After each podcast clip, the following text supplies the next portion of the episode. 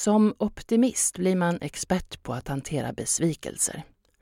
Så skrev jag på Facebook häromdagen efter att raskt ha tvingats skala ner mina omfattande planer för dagen eftersom jag inte vaknade förrän vid tolv. Foten i kläm? Jajamensan.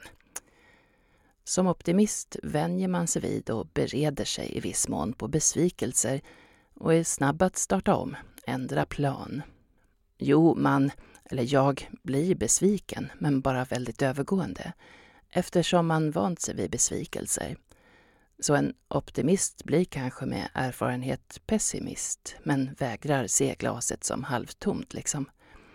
Det kan ju också tyckas aningen korkat att aldrig lära sig av sina misstag och envist framhärda med sina rosa glasögon. När min plan går om intet bjuds mig omedelbart en ny. Livet är fantastiskt.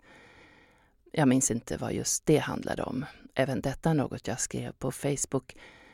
Men troligen även då, när vad jag först hoppats på gick i stöpet, upptäckte en annan möjlighet som jag inte tidigare sett. Jag tror denna skillnad i läggning är väldigt grundläggande och bara går att medvetet förändra i liten grad. Den ökar eller minskar däremot till följd av erfarenheter och mående. Optimism och pessimism känns intimt kopplade till de där knepiga begreppen självkänsla och självförtroende. En Facebook-vän skrev att uppväxten nog har betydelse. Och jo, det känns rimligt. Att ha en mamma eller pappa, eller båda, som levt sitt liv i motvind, kröker rygg och har god anledning att säga det är ingen idé. Alternativt sådana som säger du är bäst, du kan bli vad du vill. Sådana där odrägligt självsäkra som somliga är, säkert till följd av sådana där peppande föräldrar, det är ju bland det mest irriterande som finns.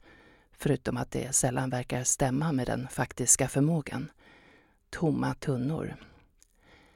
Sen är det förstås en jävla skillnad mellan att vara pessimist ända in i sitt innersta eller att vara det i praktiska situationer.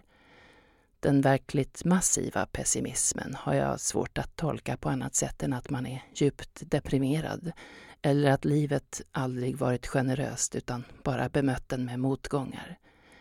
Att med sådana erfarenheter vara optimist skulle kräva ett närmast omänskligt mått av jävlar anamma och självbedrägeri.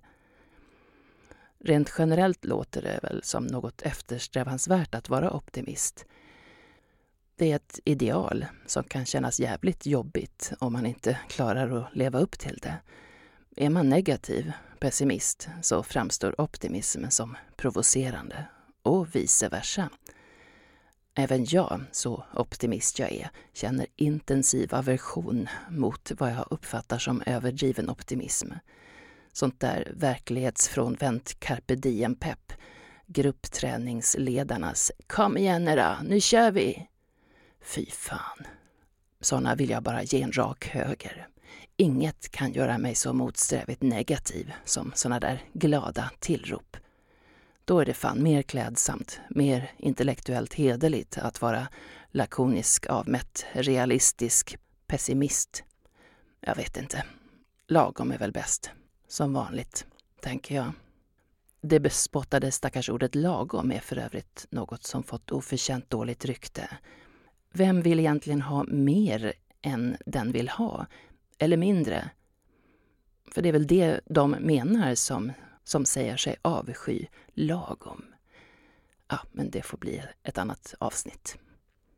Tack för mig.